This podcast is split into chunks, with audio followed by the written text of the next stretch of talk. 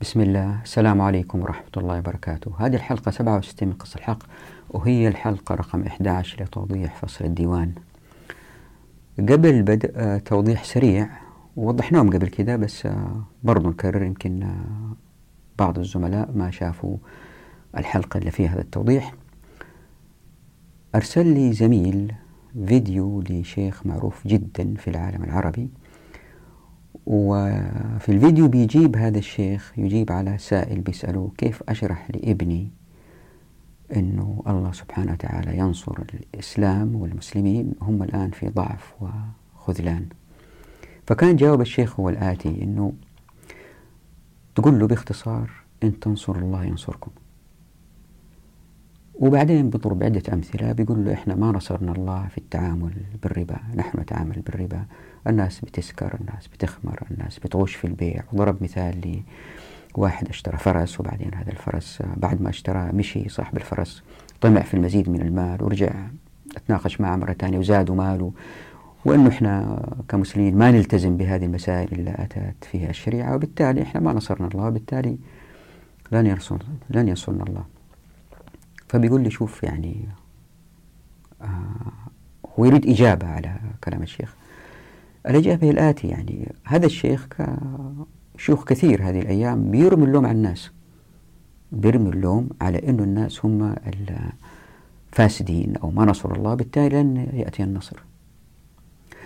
وتتذكروا في الحلقات الأولى بالذات آه، أول ثلاث أربع حلقات ركزت على مسألة القيم والحركيات. وقلت أنه التوجه الآن لمعظم الفقهاء هو على القيم ألا وهي علاقة الإنسان بربه علاقة الإنسان بالآخرين في الأخلاقيات لا تكذب لا حسن المعاملة وكذا. وليس علاقة الإنسان بالدولة اللي هي الحركيات وأنه إحنا بنركز في قصة الحق على الحركيات. الآن هذا الشيخ عندما تحدث بهذه الطريقة للناس هو بيخدر الناس وأنه أنتم أساس المشكلة. طب ما في العالم الغربي بيسكروا بيزنوا بي ومع ذلك دول قوية. لكن بلوث الكرة الأرضية نحن نريد أن نوجد مجتمع ينقذ البشرية كلها. أمة لا تلوث وفي نفس الوقت آه نقية. وهذه تأتي بالحركيات والحركيات فيها صدام مع الدولة. بالتالي هؤلاء الشيوخ بيضيعوا المجتمعات لما بيوجهوا المسألة على أنها مسألة آه أخلاقيات أفراد. أخلاقيات وسلوكية الأفراد تتبلور من النظام المجتمعي اللي يشكله. وهذا اللي بنحاول نثبته أنه هذا لن يقع إلا إذا كان طبقنا مقصوصة الحقوق التي تؤدي إلى تشكيل مجتمع أفراد أفذاذ فمهما الناس حاولنا نصلحهم ومهما صلوا مهما عبدوا مهما لن تتغير الأمور إلا إذا كان حاولنا التغيير من خلال مقصوصة الحقوق. واللي هي علاقة الإنسان بالدولة. وفي زميل آخر أرسل لي أيضا فيديو آخر منتشر جدا لشيخ بيجتهد جزا الله خير وبيقول أنه آه إحنا ركزنا على العلاقات آه، اللي هي بين الإنسان وربه التعبدية مثل الوضوء وأحكام الوضوء وأحكام الصلاة وكذا. ولم نركز على حياة الرسول صلى الله عليه وسلم في مكة والمدينة من حيث تشكيل المجتمع وإدارة المجتمع. وبيضرب أمثلة مثلا بوادي بطحان كيف في المدينة المنورة كان نتلو رائحة وفي نوع من العفن والرسول صلى الله عليه وسلم آه، كلف آه، طلحة بن عبيد الله رضي الله عنه آه، وكان مهندس من الطراز الأول للتخلص من هذه الفضلات وأن الرسول صلى الله عليه وسلم أتى للمدينة وكان فيها 300 محل بيع ذهب وأنه صلى الله عليه وسلم قدر يسحب الاقتصاد ويوجهه بطريقة تفيد الأمة وأشياء تشعر إذا إنسان اسمعها أنه آه، الرسول صلى الله عليه وسلم فعل ذلك. إذا يجب أن نفعل ذلك. الرسول صلى الله عليه وسلم كان هو قائد أمة. إذا قائد الأمة الآن يفعلها. الآن قائد الأمة يفعلها كيف؟ ما في غير النظام الغربي. والنظام الغربي هو بنظام زي ما بيقول الشيخ بيقول صلى الله عليه وسلم حاول يوجد آه، مجتمع لا يعتمد على الاستهلاكية مجتمع في تنمية مستدامة مجتمع اقتصاده ذاتي يعتمد على الثروة الحيوانية النباتية. كل الشعوب تحاول تفعل ذلك لكن لما يفعلوها يكون ذلك من خلال الدولة من خلال الضرائب وهذا يؤدي إلى استحداث الطبقية وهذا يؤدي بالتدريج إلى ظهور الفساد وتلوث البيئة. وهنا يجب أن ننتبه أن الرسول صلى الله عليه وسلم لما كلف طلحة بن عبيد الله ما أعطى له مال قال له خذ هذه ميزانية أشتغل فيها. لا كانت كما تحدثنا في الحلقات السابقة كيف بنوا مسجد الرسول صلى الله عليه وسلم كيف حفروا الخندق جهود ذاتية بتحريض أفراد المجتمع. وهدول يتحركوا إن كان وضعهم المالي جيد. فالرسول صلى الله عليه وسلم ما جاء أخذ أموال اليهود في المدينة المنورة له لا مع فتح أبواب التبكين للمسلمين. يجي اليهودي لا يجد أحد يعمل في مزرعته لأنه يستطيع أن يحيي أرض ويبني مزرعته ويزرعها ويستثمرها ويشتغل فيها لأنها له.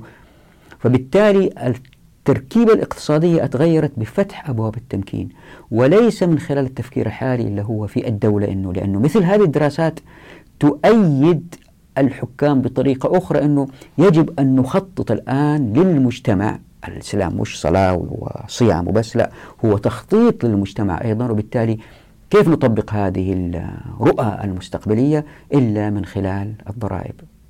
ووضحنا مرارا أن الإسلام ما في ما في مكوس. فكيف تتم عملية النهضة هذه؟ هي موضوع فيديوهات قص الحق واللي هي من خلال الحركيات التي تفتح الأبواب للتمكين في الموارد والموافقات والمعرفة. طبعا في في أشياء كثيرة هنا بس أذكر هذا. أذكر هذا كمثال. فيجب أن نلتفت إخواني وأخواتي لهذه المطبات حتى لا نقع فيها مرة أخرى ونبدأ مرحلة جديدة من الاستبداد لكن بطريقة ألطف أو بوجهة نظر مختلفة هذه المرة. لا زلنا في موضوع تحول العمل العسكري من عبادة إلى وظيفة. فهذه الحلقة وحلقات قادمة كثيرة تدور حول إثبات هذه النقطة أن العمل العسكري لابد أن يكون في الأمة عبادة وإلا الأمة ستكون ذليلة. فاللي سأحاول أثبته في الحلقات القادمة هذه الحلقة أنه لأن العمل العسكري الجهاد كان فرض عين أو فرض كفاية ولأنه في أفراد لا يستطيعوا الخروج جهاد كانوا يدفعوا أموال لآخرين حتى يقوموا مقامهم يعني آه، يجهزوهم وما إلى ذلك وأحيانا يدفعوا لهم مال مقابل هذا العمل. هذه آه، آه، أدت إلى إشكالية في الحديث عن خلوص النية. هل هذا الذي يذهب للجهاد نيته خالصة للجهاد أو لا؟ مثل هذه المسائل لم يقف أمامها الفقهاء بحزم ليه؟ لأنه كانت في حاجة للجهاد والتركيبة في الأمة السياسية الاقتصادية ما كانت فاسدة كأيامنا, كأيامنا هذه. لذلك لم يركز عليها الفقهاء. وبالتالي تغيرت المسألة بالتدريج وأصبح العمل العسكري وظيفة. وهذه راح أوضحها من خلال عدة عناوين اللي هي النية الإخلاص في العبادة هل هناك تناقض التحريض مثال مؤلم النفل السلب هل القسمة في الموقع. مكانة الغنائم الإيجار والجعالة والغنيمة التسليع الماحوس والطوى استحداثات فقهية. جميع هذه التي ذكرتها هي عناوين يمكن كل عنوان يأخذ حلقة حلقة ونص آه، حسب. نستمر فيها ألين إن شاء الله. تقتنعوا أن العمل العسكري يجب أن يعود كما كان عبادة وإلا الأمة ستكون ذليلة. والآن إلى ملخص لهذه الحلقة. راح إن شاء الله نبدأ بتعريفين مهمين. واحد عن البعوث والثاني عن الرباط لأنه راح نحتاجهم إن شاء الله في الحلقة هذه والحلقات القادمة. بعد كده نتحدث عن إخلاص النية.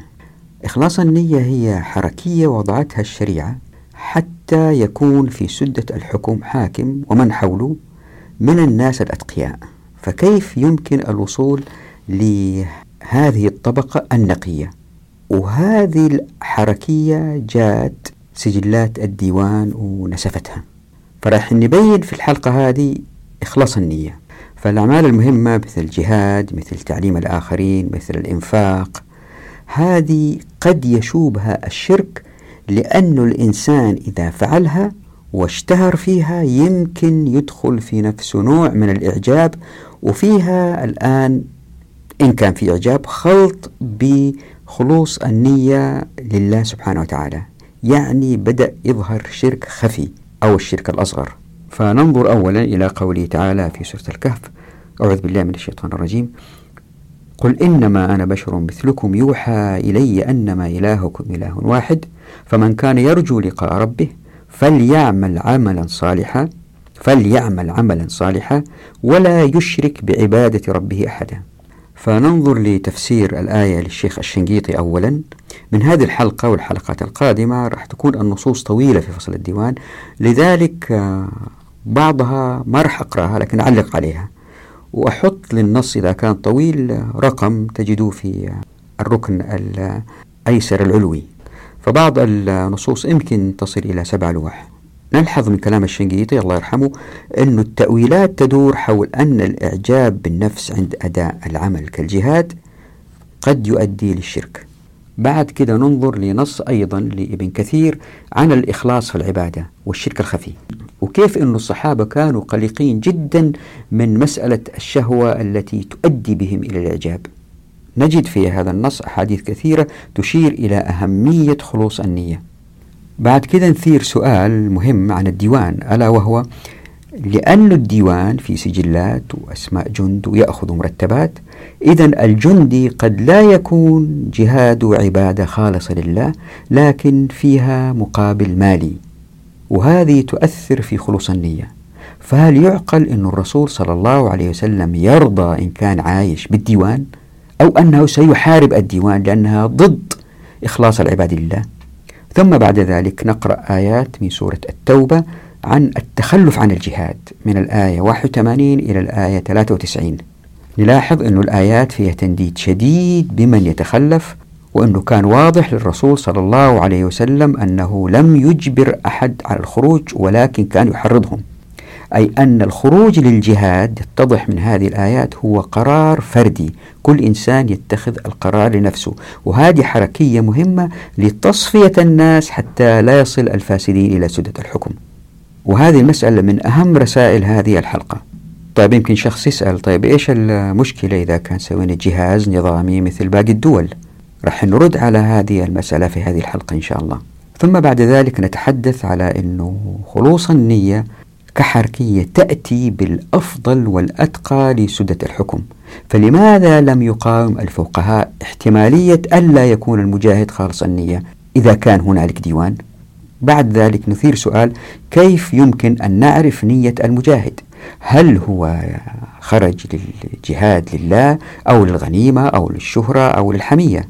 فنجيب ونستنتج أنه كون أن القرار للخروج للجهاد هو قرار فردي من دون دافع من السلطات فهذه حركية تسحب الأتقى للجهاد ولا جاء الديوان وهدمها بعد ذلك نثير مسألة أنه إن ترك الجهاد كقرار للأفراد يتخذوا بأنفسهم يمكن واحد يقول ما يخرج الجهاد للقلة هذه مسألة نرد عليها.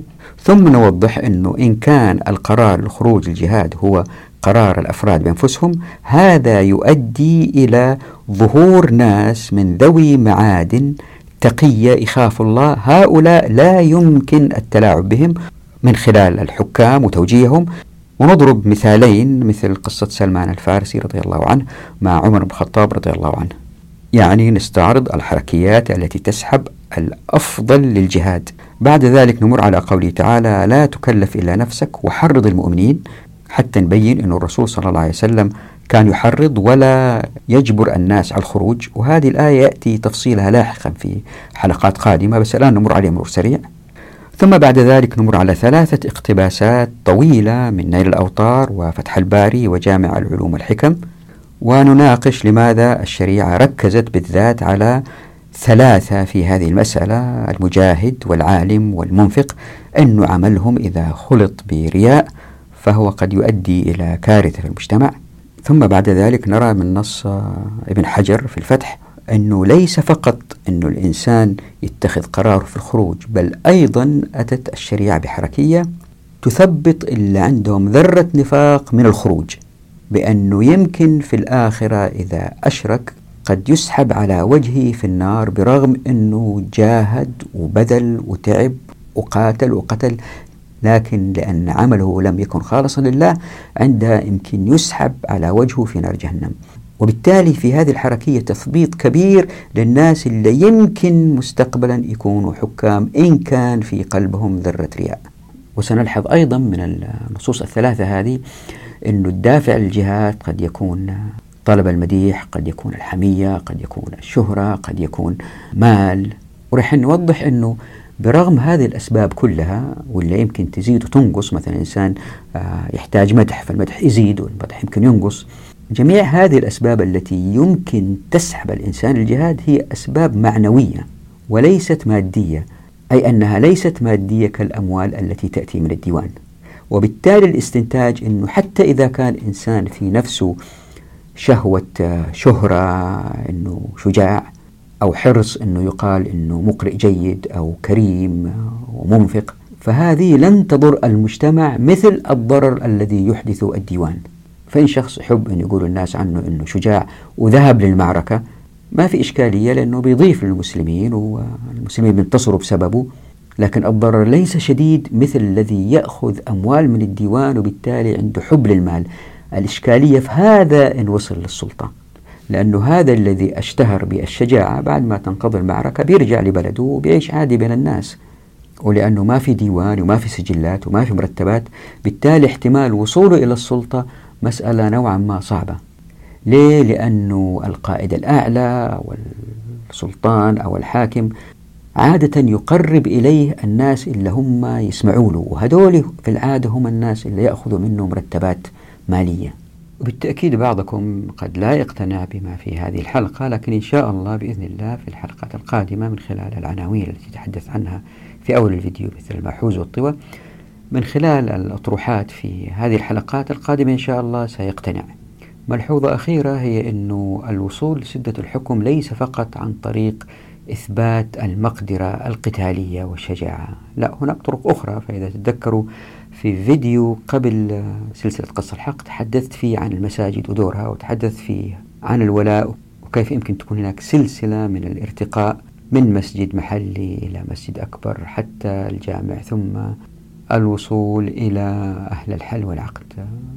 ويمكن طريق ثالث عن طريق التجارة والشهرة في الاقتصاد. لن نخوض في هذه المسائل الآن. سيأتي تفصيلها في فصل الحكم إن شاء الله بإذن الله. لكن الشريعة تسد جميع المنافذ التي يمكن أن يصعد منها شخص منافق مرائي إلى السلطة والآن للتوضيح. في البداية لابد من تعريفين. هما البعوث والرباط. حتى تتضح الصورة. فبالنسبة للبعوث يقول ابن منظور في لسان العرب والبعث بعث الجنود إلى الغزو ويستمر يعني ما في داعي نقرأ كل التعريف لأنه صراحة الفصل هذا جدا طويل وقد يأخذ حوالي 100 حلقة إذا دخلنا في التفاصيل. ففقط أركز على بعض المفاهيم المهمة. وجمع البعث بعوث وجمع البعيث بعث والبعث يكون بعثا للقوم يبعثون إلى وجهة من الوجوه مثل السفر والركب. وقولهم كنت في بعث أي فلان أي في جيشه الذي بعث معه. والبعوث الجيوش. وبعثه على الشيء حمله على فعله. وبعث عليهم البلاء حله. وفي التنزيل العزيز بعثنا عليكم عبادا لنا أولي بأس شديد. وجاء في كتاب تخريج الدلالات السمعية الآتي الفصل العاشر في عرض الناس في كل سنة. ذكر أبو عمر بن عبد البر في الاستيعاب عند ذكر سمرة بن جندب أن رسول الله صلى الله عليه وسلم كان يعرض غلمان الأنصار في كل عام فمر به غلام فأجازه في البحث وعرض عليه سمرة بن جندب من بعده فرده فقال سمرة يا رسول الله لقد أجزت غلاما ورددتني ولو صارعته لصرعته. قال فصارع. فصارعته فصرعته فأجازني في البعث.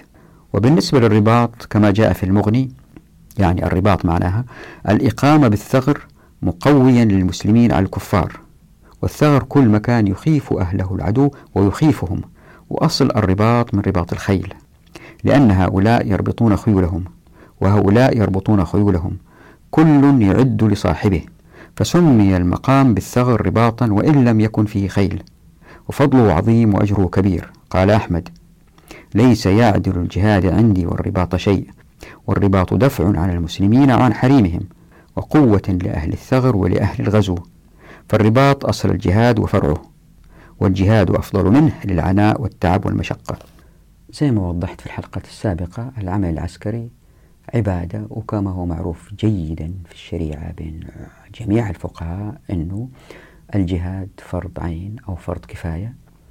وبالتالي ما الذي يحدث إذا كان أتى شخص وعرض نفسه على الناس إني أنا جاهد بدالكم أو جهزوني حتى أجاهد فهل نيته خالصة لله سبحانه وتعالى إذا أخذ أجر في الجهاد هذا أو لا؟ وما الذي يحدث إذا كان هذا الشخص خرج الجهاد وهو جهز نفسه بماله وتدرب؟ هل هو خرج لوجه الله سبحانه وتعالى أو هو خرج حمية أو هو خرج للانتقام أو خرج لكسب غنائم. مثل هذه الأسئلة آه، خلت الفقهاء آه، يركزوا على هذه المسألة لأنها مسألة جوهرية قد تؤدي إلى الشرك.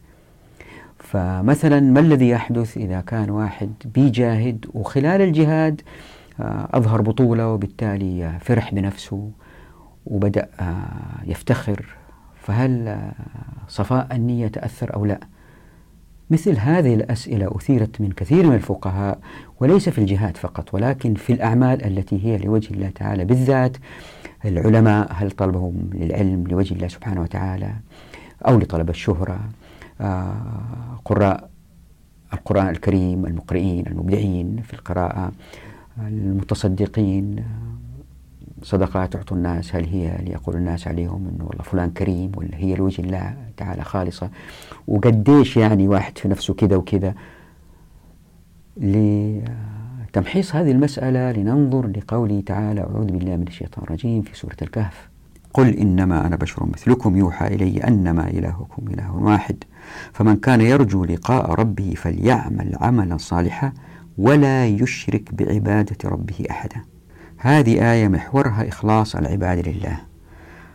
أضع هنا توضيح للشيخ الشنقيطي إلا يبين سبب نزول الآية رحمه الله. يقول واختلف العلماء في سبب نزول هذه الآية الكريمة. أعني قوله تعالى فمن كان يرجو لقاء ربه فليعمل عملا صالحا. فعن ابن عباس أنها نزلت في جندب بن زهير الأزدي الغامدي قال يا رسول الله إنني أعمل العمل لله تعالى وأريد وجه الله تعالى إلا أنه إذا اطلع عليه سرني. فقال النبي صلى الله عليه وسلم إن الله طيب ولا يقبل إلا الطيب ولا يقبل ما شورك فيه. فنزلت الآية وذكر القرطبي في تفسيره وذكر ابن حجر في الإصابة أنه من رواية ابن الكلبي في التفسير عن أبي صالح عن أبي هريرة. وضعف هذا السند مشهور. وعن طاووس أنه قال جاء رجل إلى رسول الله صلى الله عليه وسلم فقال إني أحب الجهاد في سبيل الله تعالى وأحب أن يرى مكاني. فنزلت هذه الآية. وعن مجاهد قال جاء رجل إلى النبي صلى الله عليه وسلم فقال يا رسول الله إني أتصدق وأصل الرحم ولا أصنع ذلك إلا لله تعالى فيذكر ذلك مني وأحمد عليه فيسرني ذلك وأعجب به. فسكت رسول الله صلى الله عليه وسلم ولم يقل شيئا. فأنزل الله تعالى فمن كان يرجو لقاء ربه فليعمل عملا صالحا ولا يشرك بعبادة ربه أحدا. انتهى. ومن تفسير القرطبي ومعلوم أن من قصد بعمله وجه الله فعله لله ولو سره اطلاع الناس على ذلك ولا سيما إن كان سروره بذلك لأجل أن يقتدوا به فيه. ومن قاتل لتكون كلمة الله هي العليا فهو في سبيل الله والعلم عند الله. وقال صاحب الدر المنثور أخرج ابن المنذر وابن أبي حاتم وابن مردويه والبيهقي في شعب الإيمان عن ابن عباس في قوله فمن كان يرجو لقاء ربه قال نزلت في المشركين الذين عبدوا مع الله إلها غيره وليست هذه في المؤمنين. وأخرج عبد الرزاق وابن أبي الدنيا في الإخلاص وابن أبي حاتم والطبراني والحاكم عن طاووس قال قال رجل يا نبي الله إني أقف موقف أبتغي وجه الله وأحب أن يرى موطني فلم يرد عليه حتى نزلت هذه الآية. فمن كان يرجو لقاء ربه فليعمل عملا صالحا ولا يشرك بعبادة ربه أحدا. وأخرجه الحاكم وصححه البيهقي موصولا عن طاووس بن ابن عباس. وأخرج ابن أبي حاتم عن مجاهد قال كان للمسلمين من يقاتل وهو يحب أن يرى مكانه فأنزل الله فمن كان يرجو لقاء ربه. وأخرج ابن مندة وأبو نعيم في الصحابة وابن عساكر من طريق السدي الصغير عن الكلبي عن أبي صالح عن ابن عباس قال كان جندب بن زهير إذا صلى أو صام أو تصدق فذكر بخير ارتاح له. فزاد في ذلك لمقالة الناس فلامه الله فنزل في ذلك. فمن كان يرجو لقاء ربه فليعمل عملا صالحا ولا يشرك بعبادة ربه أحدا. وأخرج هناد في الزهد عن مجاهد قال جاء رجل إلى النبي صلى الله عليه وسلم فقال يا رسول الله أتصدق بالصدقة وألتمس بها ما عند الله وأحب أن يقال لي خير. فنزلت فمن كان يرجو لقاء ربه. انتهى.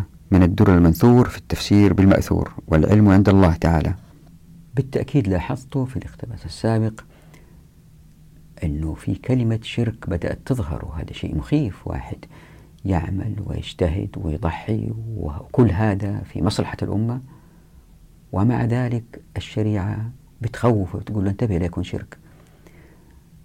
لأنه هذه مسألة مفصلية مهمة زي ما ذكرت في الحلقة الماضية أن الشريعة لا تريد الناس اللي عندهم نفاق يصلوا إلى سدة الحكم بالذات إذا عندهم المهارات القتالية ويسيطر على الأمة. هذه مسألة مفصلية مهمة. لابد نعطيها حقها من التقصي. فيقول ابن كثير في سبب نزول هذه الآية وتأويلات الآخرين لهذه الآية. يقول جزا الله خير. الإخلاص في العبادة. وقال الأعمش حدثنا حمزة أبو عمارة مولى بني هاشم عن شهر من حوشب قال جاء رجل إلى عباد بن الصامت فقال أنبئني عما أسألك عنه. أرأيت رجلا يصلي يبتغي وجه الله ويحب أن يحمد ويصوم يبتغي وجه الله ويحب أن يحمد؟ يعني يحب الناس يقولوا له والله ما شاء الله بيصلي بيصوم ويتصدق يبتغي وجه الله ويحب أن يحمد ويحج ويبتغي وجه الله ويحب أن يحمد. فقال عبادة ليس له شيء. إن الله تعالى يقول أنا خير شريك فمن كان له معي شريك فهو له كله ولا حاجة لي فيه. وقال الإمام أحمد حدثنا محمد بن عبد الله بن الزبير آه اللي راح أسويه راح أقفز الأسماء هذه وأحاول أركز على الأفكار الرئيسية حتى نوفر وقت لكن اللي حب يمكن يوقف الشاشة ويقرأ. حدثنا كثير عن عن عن عن أبيه عن جده قال كنا نتناوب رسول الله صلى الله عليه وسلم فنبيت عنده. تكون له الحاجة أو يطرقه أمر من الليل فيبعثنا. فكثر المحتسبون وأهل النوب فكنا نتحدث فخرج علينا رسول الله صلى الله عليه وسلم فقال ما هذه النجوى؟ ألم أنهكم عن النجوى؟ قال فقلنا تبنا إلى الله أي نبي الله إنما كنا في ذكر المسيح وفرقنا منه. فقال ألا أخبركم بما هو أخوف عليكم من المسيح عندي؟ قال قلنا بلى قال الشرك الخفي أن يقوم الرجل يصلي لمكان الرجل. قال ابن غنم لما دخلنا مسجد الجابية أنا وأبو الدرداء لقينا عبادة من الصامت فأخذ يميني بشماله وشمال أبي الدرداء بيمينه فخرج يمشي بيننا ونحن نتناجى والله أعلم بما نتناجى به. فقال عباد بن الصامت إن طال بكما عمر أحدكما أو كليكما لتوشكان أن تريا الرجل من ثبج المسلمين. يعني من وسط قراء القرآن على لسان محمد صلى الله عليه وسلم فأعاده وأبدأه وأحل حلاله وحرم حرامه ونزله عند منازله. لا يجوز فيكم إلا كما يجوز رأس الحمار الميت. قال فبينما نحن كذلك إذا طلع شداد بن أوس رضي الله عنه وعوف بن مالك فجلسا إلينا فقال شداد إن أخوف ما أخاف عليكم أيها الناس لما أو لما سمعت رسول الله صلى الله عليه وسلم يقول من الشهوة الخفية الشرك. فقال عبادة من الصامت وأبو الدرداء اللهم غفرة ألم يكن رسول الله صلى الله عليه وسلم قد حدثنا أن الشيطان قد يئس أن يعبد في جزيرة العرب؟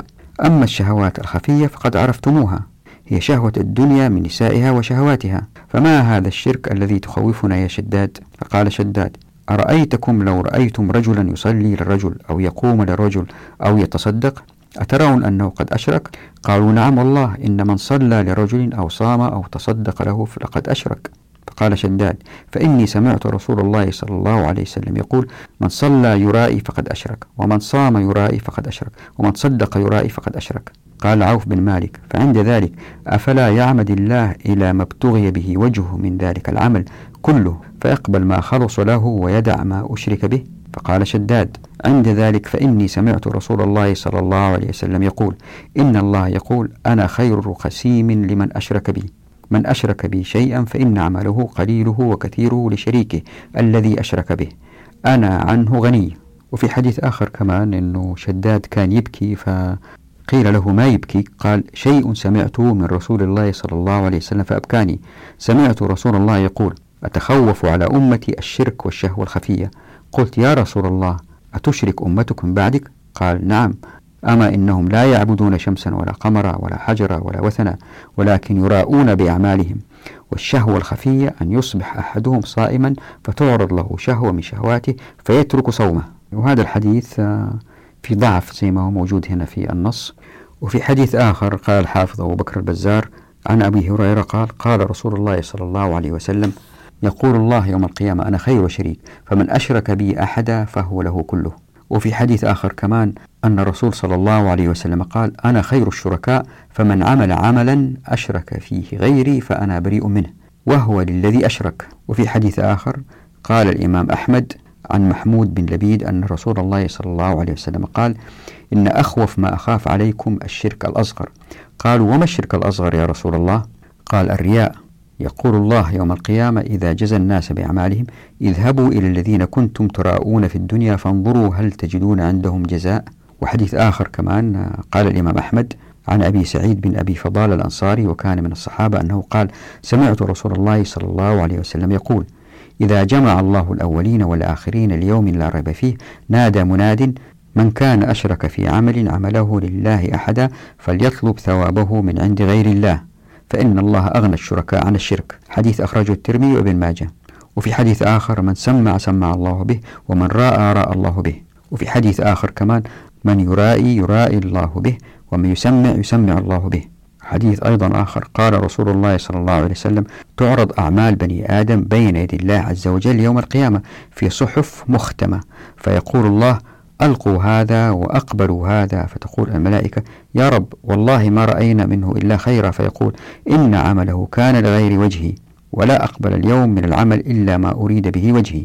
وفي حديث أيضا من قام رياء وسمعة لم يزل في مقت الله حتى يجلس. وأخيرا حديث عن ابن مسعود رضي الله عنه قال قال رسول الله صلى الله عليه وسلم من أحسن الصلاة حيث يراه الناس وساءها حيث يخلو فتلك استهانة أستهان بها ربه عز وجل. بالتأكيد لاحظت من الاقتباس السابق أهمية إخلاص النية في العمل لله سبحانه وتعالى. طيب إذا كان الجهاد ذروة سنام الإسلام وإذا كان الجهاد يجب أن يكون خالص لوجه الله سبحانه وتعالى هنا يظهر سؤال. كيف الدولة تسوي ديوان جند ويدخلوا فيه الجنود ويجاهدوا مقابل أموال؟ ألا يظهر هنا تناقض؟ خلينا نقول شخص اثنين ثلاثة عشرة مئة أتقياء تمكنوا من أن تكون نياتهم خالصة لله سبحانه وتعالى. هل يمكن جيش بأكمله يكون خاص لله سبحانه وتعالى في الجهاد هو بياخذ مرتب؟ يعني هذا ضد إلا كان الرسول صلى الله عليه وسلم يحرص عليه في أنه العمل العسكري يكون عبادة الناس يخرجوا طوعا منهم ويجهزوا أنفسهم حتى يكون عملهم خالص لله سبحانه وتعالى. فقط إذا نتأمل في هذه المسألة الآيات التي في سورة التوبة والأنفال. خلينا نقرأ هذه الآيات آه، من سورة التوبة. أعوذ بالله من الشيطان الرجيم. فرح المخلفون بمقعدهم خلاف رسول الله وكرهوا أن يجاهدوا بأموالهم وأنفسهم في سبيل الله وقالوا لا تنفروا في الحر. قل نار جهنم أشد حرا لو كانوا يفقهون. فليضحكوا قليلا وليبكوا كثيرا جزاء بما كانوا يكسبون. فإن رجعك الله إلى طائفة منهم فاستأذنوك للخروج. فقل لن تخرجوا معي أبدا ولن تقاتلوا معي عدوا. إنكم رضيتم بالقعود أول مرة فاقعدوا مع الخالفين. ولا تصلي على أحد منهم مات أبدا ولا تقم على قبره. إنهم كفروا بالله ورسوله وماتوا وهم فاسقون. ولا تعجبك أموالهم وأولادهم. إنما يريد الله أن يعذبهم بها في الدنيا وتزهق أنفسهم وهم كافرون. وإذا أنزلت سورة أن آمنوا بالله وجاهدوا مع رسوله استأذنك أولو الطول منهم. وقالوا ذرنا نكن مع القاعدين. رضوا بأن يكونوا مع الخوالف وطبع على قلوبهم فهم لا يفقهون. لكن الرسول والذين آمنوا معه جاهدوا بأموالهم وأنفسهم وأولئك لهم الخيرات وأولئك هم المفلحون. أعد الله لهم جنات تجري من تحتها الأنهار خالدين فيها. ذلك الفوز العظيم. وجاء المعذرون من الأعراب ليؤذن لهم. وقعد الذين كذبوا الله ورسوله سيصيب الذين كفروا منهم عذاب أليم. ليس على الضعفاء ولا على المرضى ولا على الذين لا يجدون ما ينفقون حرج إذا نصحوا لله ورسوله. ما على المحسنين من سبيل والله غفور رحيم. ولا على الذين إذا ما أتوك لتحملهم قلت لا أجد ما أحملكم عليه. تولوا وأعينهم تفيض من الدمع حزنا ألا يجدوا ما ينفقون. إنما السبيل على الذين يستأذنونك وهم أغنياء.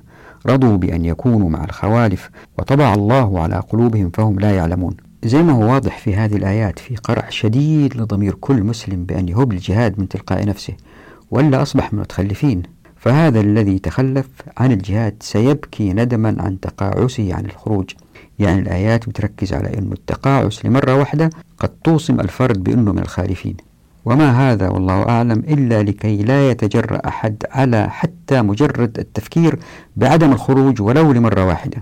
وطبعا قصة الثلاثة الذين خلفوا وما مروا فيه من معاناة حتى تاب الله عليهم درس لكل من يفكر في التخلف يعني التنديد شديد لدرجة نهي الرسول صلى الله عليه وسلم حتى على الصلاة على المتخلفين لأنهم ماتوا هم فاسقون لأنهم تأخروا عن الجهاد. طبعا هذا حتى يعتبر الأحياء والله أعلم. وتصف الآيات كيف أن أموالهم وأولادهم فتنة حتى تزهق أنفسهم وهم كافرون. وبكذا الآيات هذه وآيات أخرى في القرآن الكريم تستمر بالتهديد والتنديد بكل من تقاعس وفي الوقت ذاته زي ما هو واضح الآيات تمتدح اللي خرجوا للجهاد وإن لهم الخيرات وأنهم هم المفلحون. وفي استثناء طبعا من الخروج للمعذورين الضعفاء والمرضى والذين لا يجدون ما يمكنهم من الخروج لأداء عبادة الجهاد. ما عندهم دابة ما عندهم أسلحة. فيعني العقيدة أن الجهاد عبادة يجب أن ينجذب إليها الأفراد بأنفسهم كانت واضحة للرسول صلى الله عليه وسلم. فما في أي دليل من الأثر أنه أجبر فرد على الخروج. وهذه مسألة مهمة سيأتي توضيحها إن شاء الله. وما في أي دليل أنه دفع مال قبل المعركة كأجر حتى لفرد واحد خلال حياته للخروج. وحتى نجيب على الأسئلة التي تربط النية بالجهاد اللي أثيرت سابقا عن خلوص النية وهل المقاتل إذا أعجب بنفسه أثناء القتال. هو شرك وما إلى ذلك شرك أصغر طبعا. لابد نمر على بعض الاقتباسات. أهمها ثلاثة هي من نيل الأوطار وفتح الباري وجامع العلوم والحكم حتى تقتنعوا بضرورة ابتداء صفاء النية الجهاد لأهمية هذه المسألة لطرح كتاب قص الحق. وهذه الاقتباسات هي واضحة إذا وقفت الشاشة وقرأتوها على مهل. ويمكن ما في حاجة للتعليق المستفيض عليها فكل اللي أريد منكم أن تركزوا على أهمية إخلاص النية في الجهاد حتى يتقبل الله سبحانه وتعالى. لأنه إذا لم يتقبل الله سبحانه وتعالى فما الداعي للعمل العسكري أصلا يعني؟ يعني لماذا الجهاد إن لم يكن في سبيل الله؟ فإن كانت العبودية لله من أسس العقيدة الإسلامية وأننا ما خلقنا إلا لعبادته كما قال الحق جل جلاله في سورة الذاريات وما خلقت الجن والإنس إلا ليعبدون بالتالي فالجهاد عبادة وبالتالي ما في حاجة للجهاد أبدا إذا لم يكن عبادة وإن لم يكن خالصا لله. الآن يمكن واحد يسأل يقول طيب إيش المشكلة إذا كانت الدولة أوجدت جيش نظامي ولأفراد المرتبات هذه أجبت عليها في السابق لكن أيضا أذكر فيها مرة أخرى أنه إن كان العمل العسكري عبادة فهو تحصيل حاصل أن تكون الأمة عزيزة وقوية. هذا مآل الأمة إن كان العمل العسكري عبادة. وبالتالي لن يظهر الفساد في العالم الإسلامي الذي نحن فيه. ابن المسؤول الكبير يصبح مسؤول كبير ويضع لنا خطط. الرقاصة والمطرب واللاعب يصبح قدوة في المجتمع. الناس المنتجين المبدعين العلماء لن يكترث إليهم أحد. ابن الوزير استخدم مكانة أبوه في إعطاء صلاحيات وتصريحات لهذا على حساب ذاك وما إلى ذلك من الألاعيب كلها أنتم عارفينها وشايفينها وعايشينها ليل نهار. طيب يمكن واحد يسأل يقول طيب طيب إيش المشكلة؟ يمكن يصير زي العالم الغربي. وضحت أيضا أنه إن أصبحنا مثل العالم الغربي بمساءلة عالية بشفافية عالية إلا بيصير أنه نسحب الكرة الأرضية معاهم إلى فساد. الغرب يحتاج الأمة المسلمة لكن ليس الأمة المسلمة في وضع الحالي. الأمة المسلمة عندما يكون العمل العسكري فيها جهاد ليه؟ لأنه الأساس هو خلوص النية. لأن خلوص النية يأتي بالأفضل للحكم. لذلك حرص الرسول صلى الله عليه وسلم على مسألة خلوص النية هذه التي تساهل فيها الفقهاء لاحقا. هم تساهلوا لأنهم لم يروا وضعنا الحالي من استبداد حكام ومن فقر وذل وتخلف. لو رأوا هذا لما سكتوا على مسألة أنه العمل العسكري يجب أن يقاوم إن لم يكن عبادة. فهم لم يقاوموه برغم أنهم هم كانوا قلقين جدا من هذه المسألة على الفرد أنه في الآخرة يمكن يعذب يمكن يتبهدل لأنه أشرك بالله سبحانه وتعالى من حيث لا يعلم. فكانوا حريصين على تبيان هذه المسألة لكن في واقع الأمر لم يصروا على محاربة احتمالية تحول العمل العسكري إلى وظيفة. ويمكن واحد يقول ما يمكن نعرف اللي في صدور الناس. فقط الله سبحانه وتعالى الذي يعلم ما في الصدور. فكيف نعرف هذا الجندي من هذا الجندي؟ الإجابة هي ببساطة أنه الشريعة وضعت حركية سهلة جدا. أنه قرار الخروج للمعركة هو قرار فردي يتخذه الإنسان لنفسه.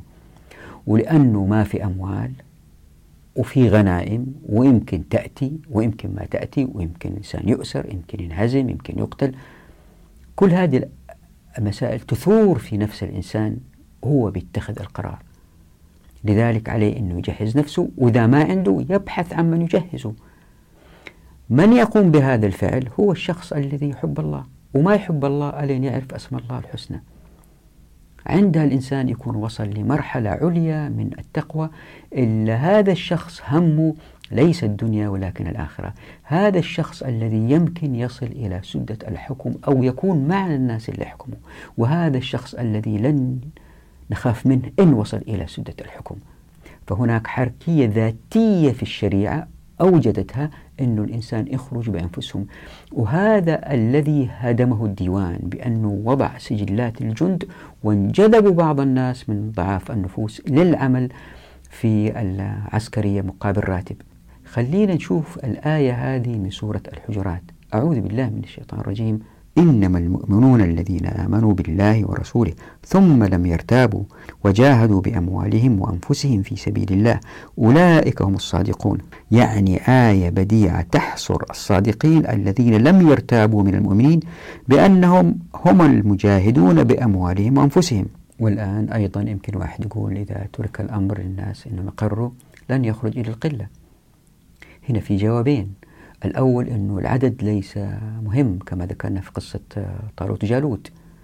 المسألة الثانية وهي المهمة لموضوعنا أنه إن طبقنا الشريعة وأبواب التمكين مفتوحة في الموارد والموافقات والمعرفة عندها يكثر الناس الأثرياء عندها يكثر الناس المستطيعين الجهاد عندها يكثر الناس الذين سيدعمون الأفراد الذين سيستحدثون شركات لصناعة الأسلحة المتطورة عندها لما ينتشر التقوى في المجتمع وينتشر تذكير الناس بالآخرة ويزدادوا إيمان وتقوى عندها سيخرج منهم الكثير للجهاد يعني خطبة عصماء الآن تخرج من أندونيسيا فقط مئة ألف.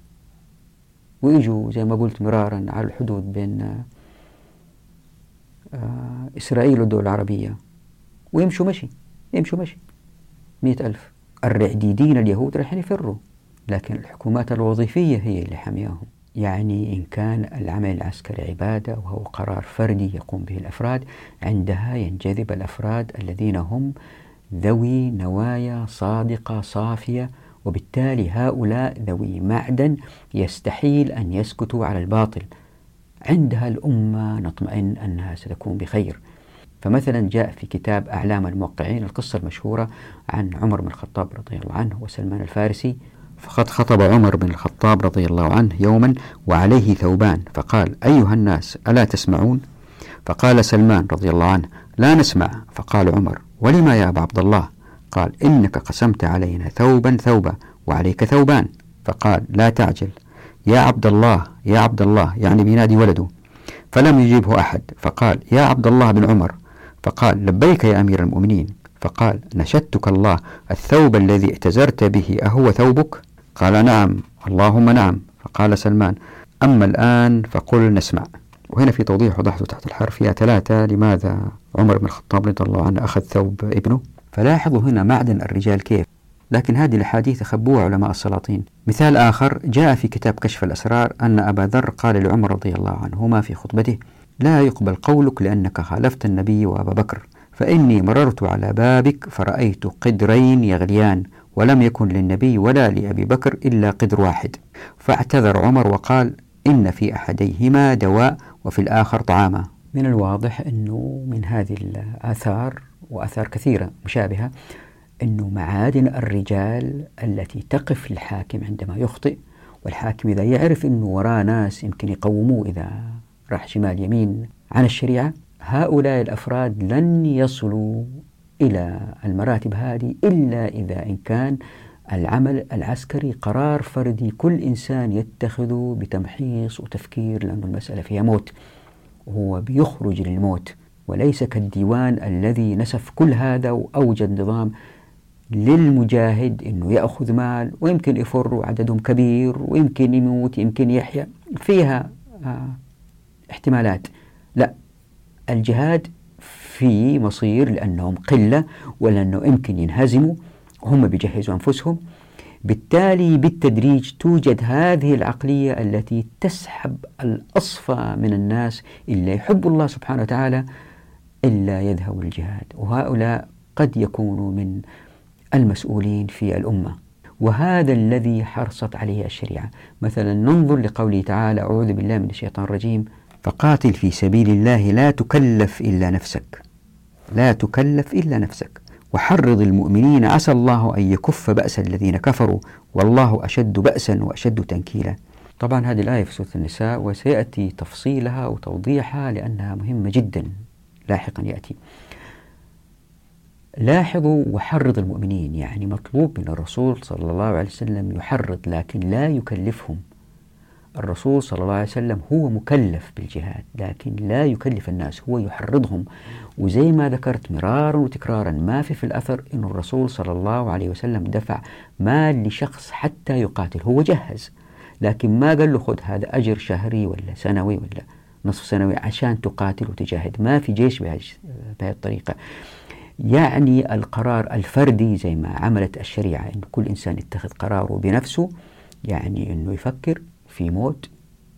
إذا في جهاد لا أطلع ما أطلع. مين اللي يطلع الجهاد؟ اللي يحب الله. مين يحب الله؟ اللي يعرف أسماء الله الحسنى. وهؤلاء هم الأصفى والأتقى. ولا خوف على الأمة إن وقع الحكم في أيديهم. سواء حكموا أو يقفوا للحاكم إن أخطأ والحاكم يعرف أن هؤلاء لا يمكن شراء ذممهم. وبالتالي الأمة دائما في خير. هذه الحركية اللي حاولت الشريعة توجدها جاء الديوان نسفها في العصر الأموي والعباسي. ليه؟ لأنه صار الديوان سجلات في أسماء أنسحب للجهاد البر والفاجر لأنه ببساطة ما نعرف اللي في قلوب الناس.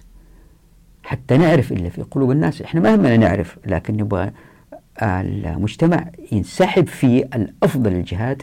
هذه الحركية اللي هي تطوعية جذت بالديوان الآن لننظر للاقتباسات الثلاثة التي تحدثنا عنها ولن أقرأها لكن اللي حب يوقف الشاشة يقرأها أنا بس أعلق عليها ونمر مرور سريع لأنها طويلة جدا وأكثر طلاب العلم عارفينها.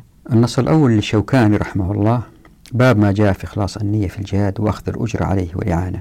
حقيقة قراءة هذه النصوص فيها متعة إذا الإنسان يتدبر فيها ويفكر فيها. ولأنه النص طويل وضعته في عدة مقاطع ولن أقرأه زي ما قلت لكن إذا تأملنا النص نجد أن القارئ آه، يمتلئ قلبه رعب من أن العمل إذا ما كان لوجه الله تعالى سواء في الجهاد أو التعليم أو في الإنفاق فهي علامة من علامات الشرك. فكيف يتمكن الإنسان من الوثوق بأنه عمله خالص لله؟ فيعني إذا الواحد كان من هؤلاء يجد صعوبة في آه، الإجابة. يعني إذا واحد كان عالم يعلم الناس أو مجاهد يجاهد في سبيل الله أو غني ينفق في سبيل الله يجد في نفسه صعوبة من أنه يعرف هل هو بالضبط بيعمل لله سبحانه وتعالى ولا هو يعني في شيء في نفسه من هذا النفاق. هنا يظهر سؤال لماذا التركيز على هؤلاء الثلاثة برغم أن الإخلاص مطلوب في, في جميع أنواع العبادات؟ لماذا التركيز على هؤلاء الثلاثة؟ الإجابة الله أعلم هي أنه هذول الثلاثة إلا انتشروا المجتمعات من المهانة والفقر أو يودوها للفساد. فإن لم يظهر تعليم خالص لوجه الله سيظهر علم يفسد في الأرض. وهذا اللي حدث الآن. وهذه نوضحها إن شاء الله في فصل المعرفة. وإذا ما كان الإنفاق خالص لوجه الله لاستغلوا الأغنياء الإنفاق بريائهم للمزيد من الجاه والمزيد من التقرب من السلاطين ثم المزيد من التسلط بالتالي الثراء. وهذا التسلط يؤدي إلى المزيد من الفقر في مناطق أخرى. وهذه راح نتأكد منها إن شاء الله لما نتحدث عن فصل ابن السبيل والشركة. أما الجلد المنافق هو الذي تتمكن السلطات من تسخيره للسيطرة على الشعوب يعني المعرفة والمال والسلطة من أهم العوامل التي ترفع المجتمعات وتخفضها. يمكن واحد يقول طيب يا جميل أنت وعدتنا أنك ما تستخدم القيم في هذا الكتاب وراح تركز فقط على الحركيات. فلا منا في الإسلام زي ما وضحنا ممن يقاتلون في سبيل الله مثلا ويمكن الواحد يستمر وينتقد أنه مسألة آه، جهاد الجندي سواء كان رياء أو إخلاصا لله أمر لا يستطيع أي فرد معرفته لأنه في صدر الجندي. الجواب هو بالطبع لا فلا أحد يعلم ما في الصدور إلا العليم الخبير جل جلاله. إلا أن إيجاد الديوان سيشد كل من لم يجد عملا منتجا من الالتحاق بالجيش ويصبح الجيش مرتعا لمن تسهل قيادتهم لضرب الشعوب المسلمة. ومن جهة ثانية إذا طبقنا مقصوصة الحقوق حتى هؤلاء الثلاثة إن لم يكونوا مخلصين فإن المجتمع سينهض لأن نياتهم ستكون خالصة في الأغلب. وذلك لأن عدم تطبيق الشريعة سيوجد مجتمعات تضطر الناس للنفاق كمجتمعاتنا الحالية. وهذه سيأتي توضيحها في فصل البركة. يعني الناس الآن مضطرين للنفاق لأن المنظومة غلط الحقوقية. أي أن تطبيق الشريعة سيوجد محركا اقتصاديا اجتماعيا يصهر قلوب الناس ويسحبهم للصفاء. وهذه ستأتي إن شاء الله. والآن لننظر إلى ما قاله الحافظ ابن حجر في الفتح. كان بيحاول جزا الله خير ورضي الله عنه وأرضاه توضيح مسألة صفاء النية من خلال الربط بين الأحاديث المختلفة وبطريقة بديعة. يعني صراحة إذا تقرأ هذا الآتي هو كلام بديع يوضح لك كيف علماء السلف كانوا أفذاذ. لاحظ أنه ابن حجر في النص هذا الآتي يرجع لأحاديث ذكرها الشوكاني في النص السابق. فيقول ابن حجر باب من قاتل لتكون كلمة الله العليا. أيضا لن أقرأ النص ولكن أعلق عليه. إذا طبقت هذه الأحاديث اللي تحث أتقى الخروج الجهاد عندها الجيش سيكون تقي ولن يهزم لأسباب كثيرة طبعا ما راح نوضحها الآن في مكان آخر منها شجاعة الجنود ومنها تفانيهم في الأداء ومنها تلاحم أفراد الجيش ومنها طاعتهم لقادتهم ومنها ومنها. لكن المهم الآن هو أن هذا الجيش لن يكون مادة في أيدي السلاطين زي ما وضحت مرارا إن لم يحكموا بما أنزل الله. لذلك الشريعة حرصت على مسألة إخلاص النية كأداة لتصفية الناس. يعني باستطاعة الشريعة وضع منظومة حقوق تؤدي إلى إيجاد جيش قوي يأتي بالنصر للأمة حتى إن لم يكن تقيا. وهذا اللي حدث في الدول الأموية العباسية المماليك العثمانيين. ما في إثبات أنه كامل الجيش كان تقي. لكن العاقبة من مخاطر أنه هذا الجيش في المستقبل بعد النصر هو أنه يمكن يكون أداة في أيدي السلاطين هو إلا ما تحاول الشريعة أن تتلافى ابتداءً وهذه لا تقع إلا بجذع المسألة من جذورها بتهديد حتى الشجعان من الناس من الخروج إن لم يكن جهادهم خالصا لله جل جلاله. يعني الشجاع أيضا يهددوه ترى لو خرجت وإنت ما أنت صافي النية يا ويلك. تذكروا حديث الذي سحب على وجهه حتى ألقي في النار. فبرغم أنه هذا الشهيد كان شجاعا وبرغم أن الجيوش بحاجة للشجعان أمثاله لكن الشريعة حاولت تثبيطه من الخروج.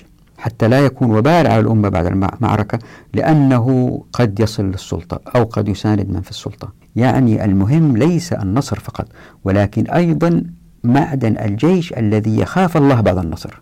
لذلك هددت الشريعة كل من خرج وكان مرائيا بأنه سيسحب على وجهه إلى النار لأنها لا تريد أن يخرج بنية فاسدة. فإما أن يصلح نيته فيصلح حاله كمؤمن أو يبقى دون جهاد. تذكروا أيضا من النصين السابقين لشوكاني وابن حجر آه، حديث أبي أمامة أي قوله صلى الله عليه وسلم إن الله لا يقبل من العمل إلا ما كان له خالصا وابتغي به وجهه. وهذا حديث جيد الإسناد كما جاء في الفتح. لكن إذا لم يخلص المجاهد النية هل يقعد ولا يخرج؟ أيقعد عن الجهاد أم يخرج؟ نلحظ من أقوال الفقهاء أنها لا تجيب على السؤال بصراحة؟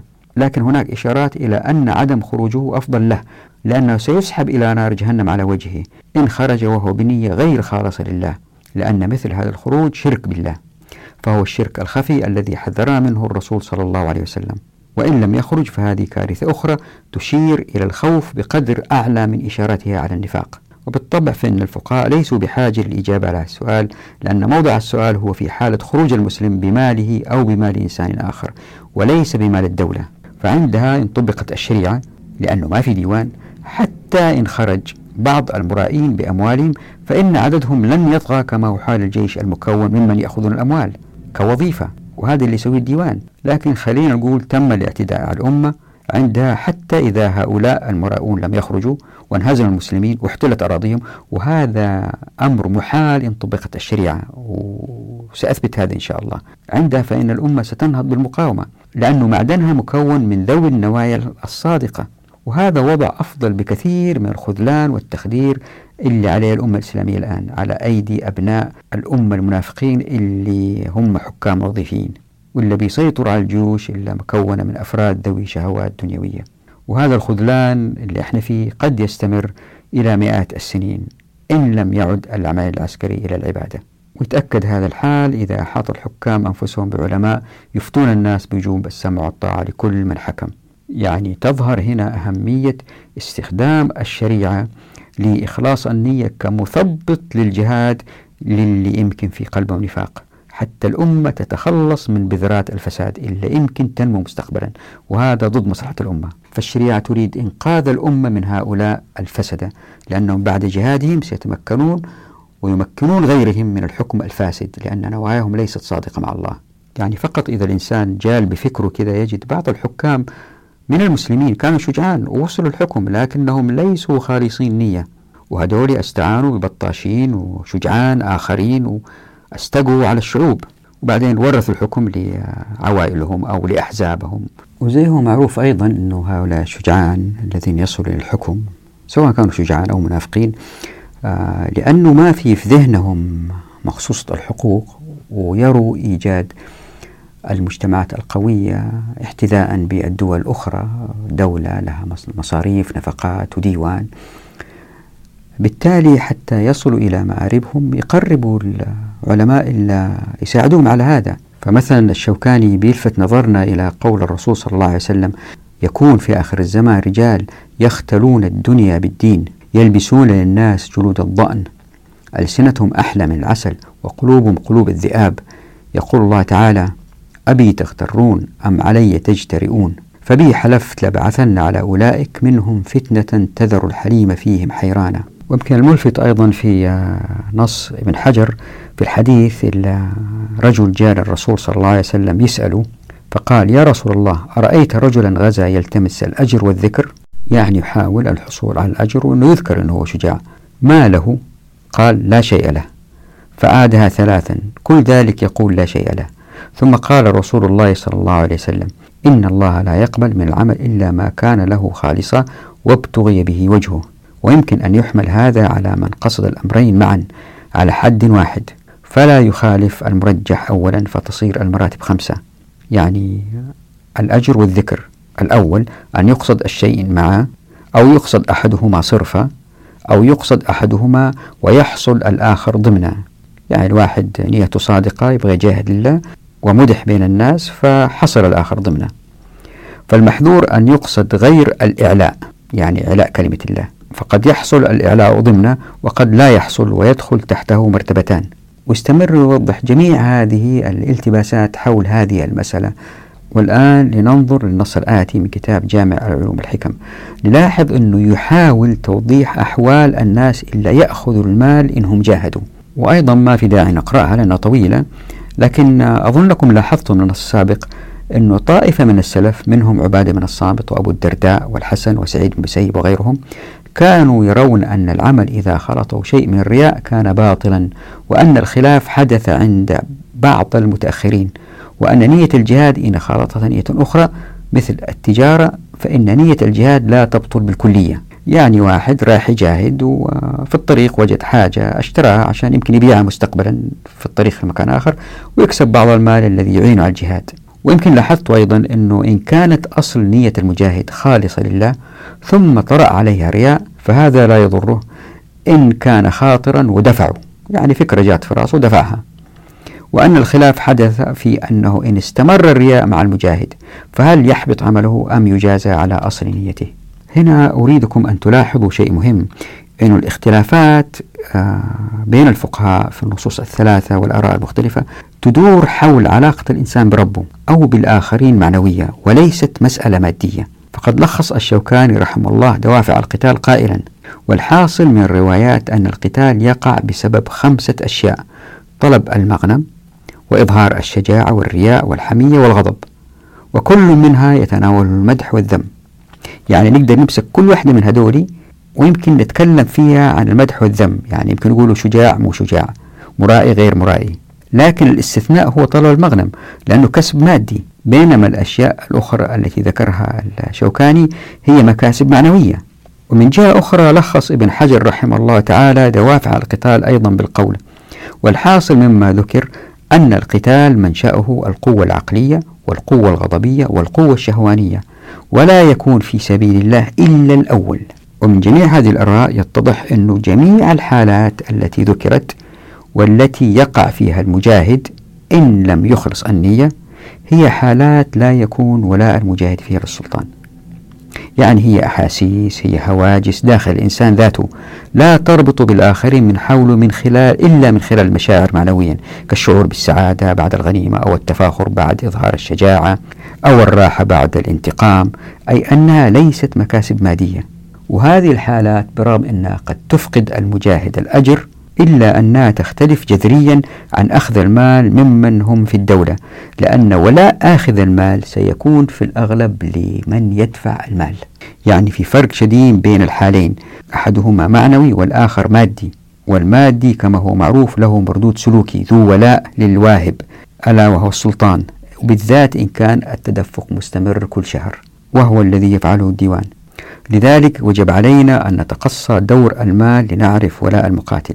مسألة أخرى أن النصوص الثلاثة والنصوص المشابهة لها لم تحاول الربط بين أخذ المال وتأثر النية بذلك.